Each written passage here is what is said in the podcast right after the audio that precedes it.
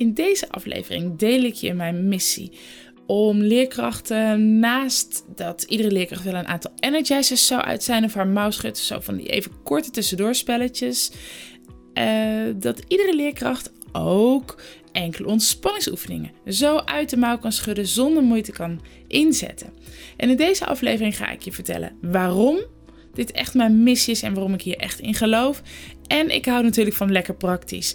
Dus na het luisteren van deze podcast kan jij al meteen twee ontspanningsoefeningen samen met kinderen doen.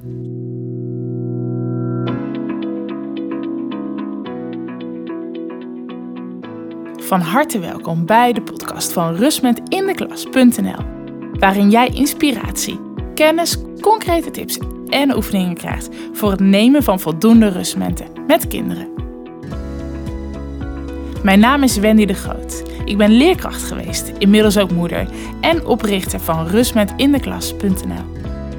Ik neem je graag mee in mijn ervaring rondom rust en ontspanning voor kinderen en misschien ook wel voor jezelf. Heel veel luisterplezier en ontspanning gewenst.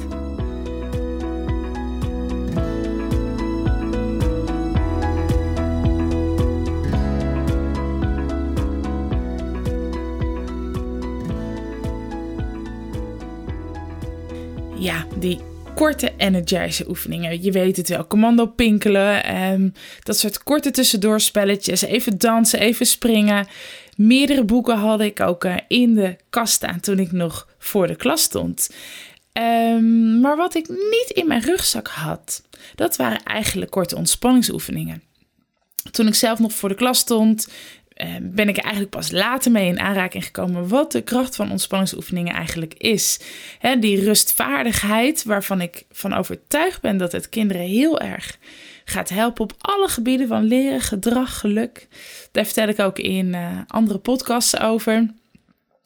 Um, ja, ik vind het essentieel dat je naast juist die energie omhoog krijgt in de klas, dat je ook korte oefeningen in je pocket hebt waarmee je weet, hey, hiermee creëer ik even een rustmoment.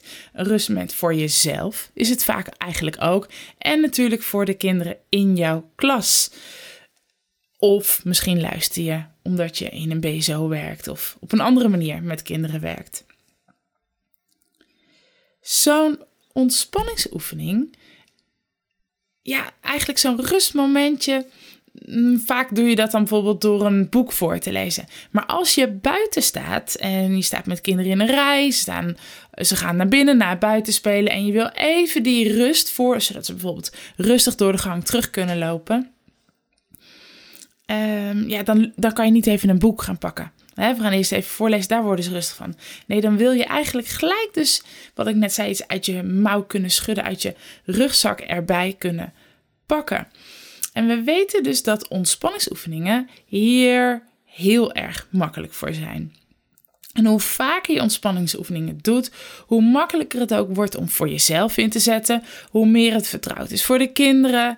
Um, hoe meer rust het uiteindelijk ook brengt. Hè? Want als je net begint met ontspanningsoefeningen, dan is het nog even wennen. Wat gaan we nu eigenlijk doen? Maar als je het heel vaak doet, nou, dan, dan kun je daar gewoon in uh, meegaan.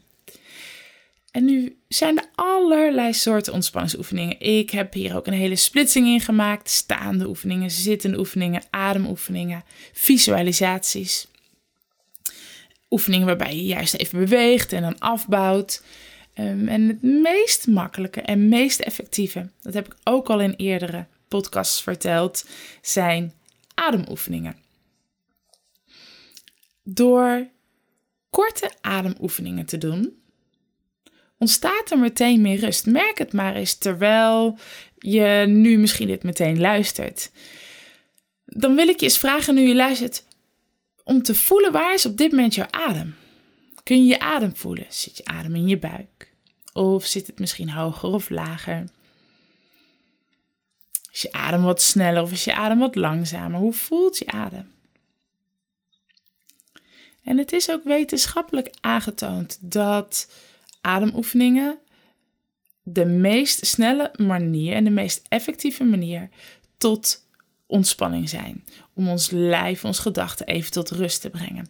Wat er gebeurt is, in plaats van dat je maar doorgaat in die gedachten, geef je je gedachten eigenlijk iets te doen. Namelijk even het letten op je adem. Gewoon even letten op de in- en uitademing. En dit is dan eigenlijk ook meteen de eerste oefening die je samen met kinderen kunt doen.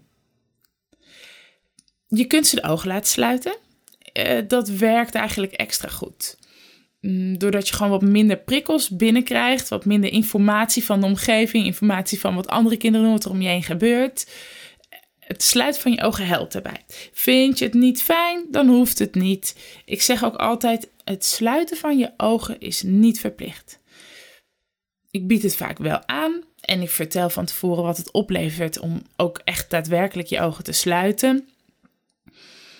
Uh, maar als een kind zich niet veilig voelt, hè, dat, het, het hoeft absoluut niet. Maar wat je dus zou kunnen doen, is even de voeten neer laten zetten en even je ogen sluiten. En voel maar eens, waar is je adem? Voel je adem, zoals ik eigenlijk net zei. Zit hij in je buik of zit hij misschien nog wat hoger? Is je adem snel? Is je adem langzaam?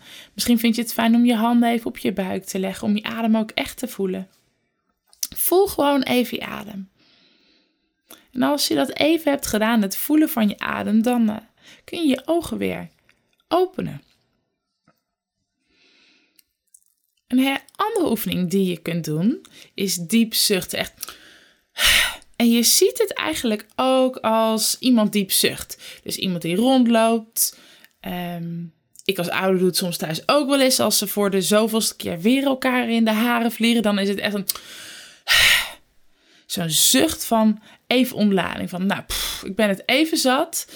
Um, en daarmee raak je eigenlijk letterlijk wat spanning kwijt. Want zucht, misschien heb je de ruimte om ook eens even diep te zuchten.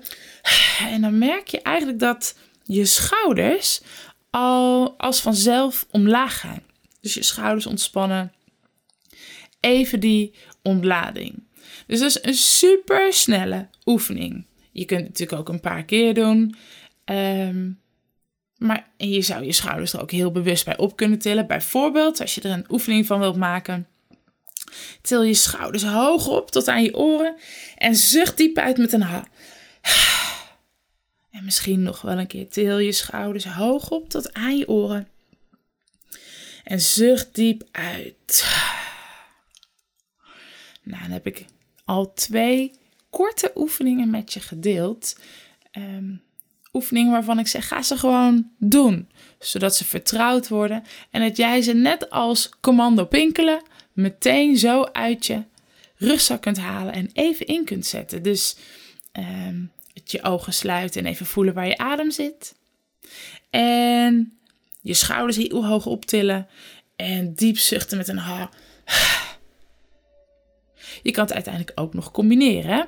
Dus je begint met die Schouders hoog optillen en zuchten met een ha. En dan even je ogen sluiten en voelen waar je adem zit. Een andere oefening, nog een derde. Ik had er twee beloofd, maar ik heb zoveel oefeningen om te delen met je. Um, dus ik deel toch ook nog een ander soort oefening dan een ademoefening. Wat ook heel fijn is, is een korte gezichtsmassage. En ook die kun je staand, zittend, overal toepassen. Je wrijft even je handen. Je wrijft je handen warm en dan is het het fijnst met je ogen dicht als je even staat of zit. En dan masseer je je gezicht even los langs je voorhoofd. En dan kun je kort ook benoemen waar je kunt masseren langs je oren, wangen, langs je kin. En doe ook zelf mee. Masseer zelf mee, zodat je het zelf voelt, zodat je het voorbeeld geeft, zodat je ook wat rustiger kunt praten. En als je kort je gezicht masseerd hebt, kun je je armen even ontspannen en misschien kun je zelfs even je ogen gesloten houden en voelen wat de massage heeft gedaan voor je gezicht. En ook dan kun je adem natuurlijk weer even voelen. En zo zie je dat eigenlijk de adem altijd meespeelt in ontspanningsoefeningen. En dat je daar een beetje mee kunt spelen. Je kunt het combineren met het voelen van je adem. Je kunt zuchten. kunt het combineren met je schouders tillen of met een korte gezichtsmassage. Ehm, maar hoe fijn is het als jij als leerkracht zo'n ontspanningsoefening gewoon zo uit je mouw schudt, moeiteloos, alles vanzelf. Twee minuten heb, bied je het aan op zo'n wisselmoment. Of als je denkt, ehm, net als ik thuis, de kinderen vliegen de haren, elkaar in de haren. Ehm, of na het knutselen. Ik weet nog toen ik voor de klas stond. En als ze dan hadden opgeruimd met knutselen. En we hadden muziekje aangehad met dat knutselen. En om dan weer even met elkaar. Even zo'n rustmomentje te doen. Hoe fijn is het als jij dat dan gewoon meteen kunt inzetten? Ik hoop dat je na het luisteren van deze podcast ziet en weet en snapt hey, zo'n ontspanningsoefening, dat kan me echt helpen als ik dat in mijn rugzak heb. En dat je dit misschien morgen al kunt toepassen. Zo'n korte ademoefening. Waar zit je adem? Even zuchten. Korte gezichtsmassage. Wat misschien ook nog een leuk is, is om, als je die nog niet geluisterd hebt, de 10 seconden rust podcast te luisteren. Daar deel ik ook een hele mooie oefening. Een 10 seconden rustmomentje. Wat het is. Uh, en hoe die opgebouwd is. Dus dat is ook nog een uh, mooie aanvulling op deze podcast. Superleuk dat je weer luisterde naar deze podcast van Rustment in de Klas. Wist je dat je heel makkelijk een review achter kunt laten om te laten weten wat je van deze podcast vindt? Het is heel gemakkelijk. Ga naar de podcast-app waarmee je deze podcast hebt beluisterd en klik op Review. Geef bijvoorbeeld 5 sterren en misschien wel een geschreven reactie. Dank je wel. Ben je enthousiast geworden en wil jij ook korte ontspanningsoefeningen doen met kinderen in de klas of misschien wel thuis? Vraag het gratis kennismakingspakket aan op www.rustmetindeklas.nl. Dan krijg je toegang tot een aantal filmpjes om samen kennis te maken met Mike en Vee. Neem hier ook gelijk een kijkje in mijn workshop en trainingsaanbod. Je kunt rustmetindeklas.nl ook volgen op Facebook, Pinterest en Instagram. Via deze kanalen kun je deze podcast ook delen door bijvoorbeeld een screenshot te maken van je scherm nu. Deel deze en tag dan Rustmet in de klas. Nogmaals, dankjewel dat je luisterde. En ik wens je veel rust en ontspanning toe.